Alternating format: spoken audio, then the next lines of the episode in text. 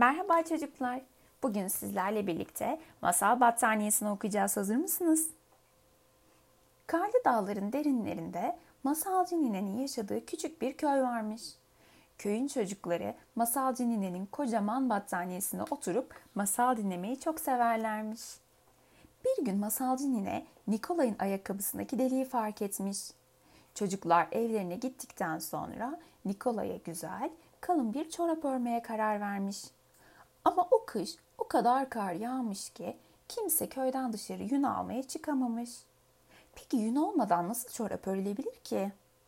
Her sorunun bir cevabı vardır, demiş masalcı nine. Sadece biraz düşünmeliyim. Düşünmesine yardımcı olması için kendine bir bardak sıcak çay koymuş.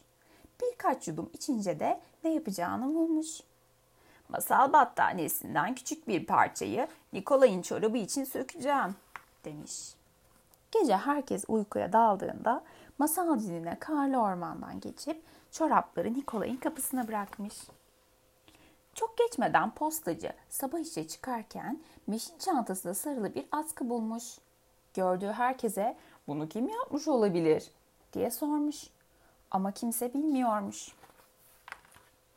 Öğretmen okul sobasını yakmak için gittiği odunlukta bir çift yün eldiven görünce çok şaşırmış.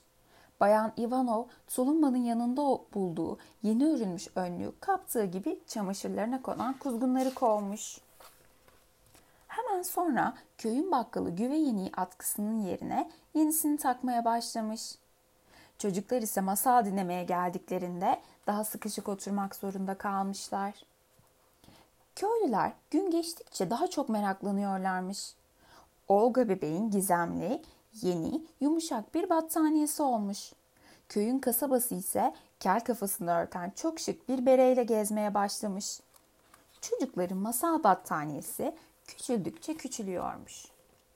Terzinin mahzun kedisi üzerine tam oturan ceketiyle mağrur mırıltılarla dolaşmaya başladığında ise sır perdesi daha da büyümüş. Masal dinlemeye gelenlerin oturacağı bir battaniye ise artık yokmuş.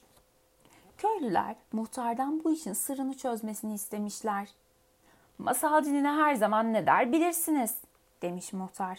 Her sorunun bir cevabı vardır.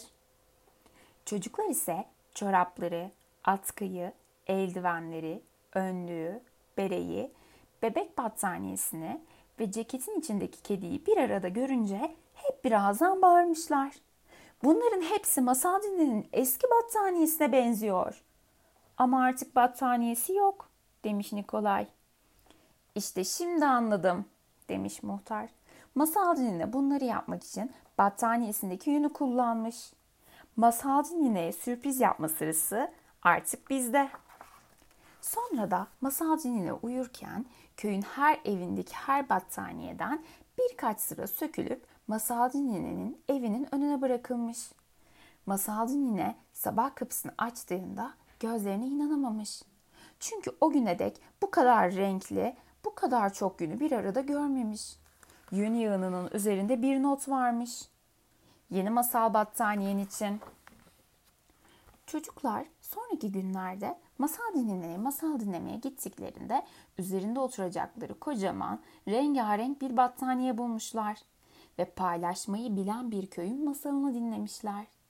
Eve gitme vakti geldiğinde masal dinine çocukları teker teker öperken Aleksandra'nın kazağındaki deliği fark etmiş. Aleksandra'ya sürpriz bir kazak örmek istemiş. Ama dağlarda hala kar varmış ve köyde yün bulunmuyormuş. Masal cinine her sorunun bir çözümü olduğunu biliyormuş. Yeni ördüğü masal battaniyesine bakıp gülümsemiş.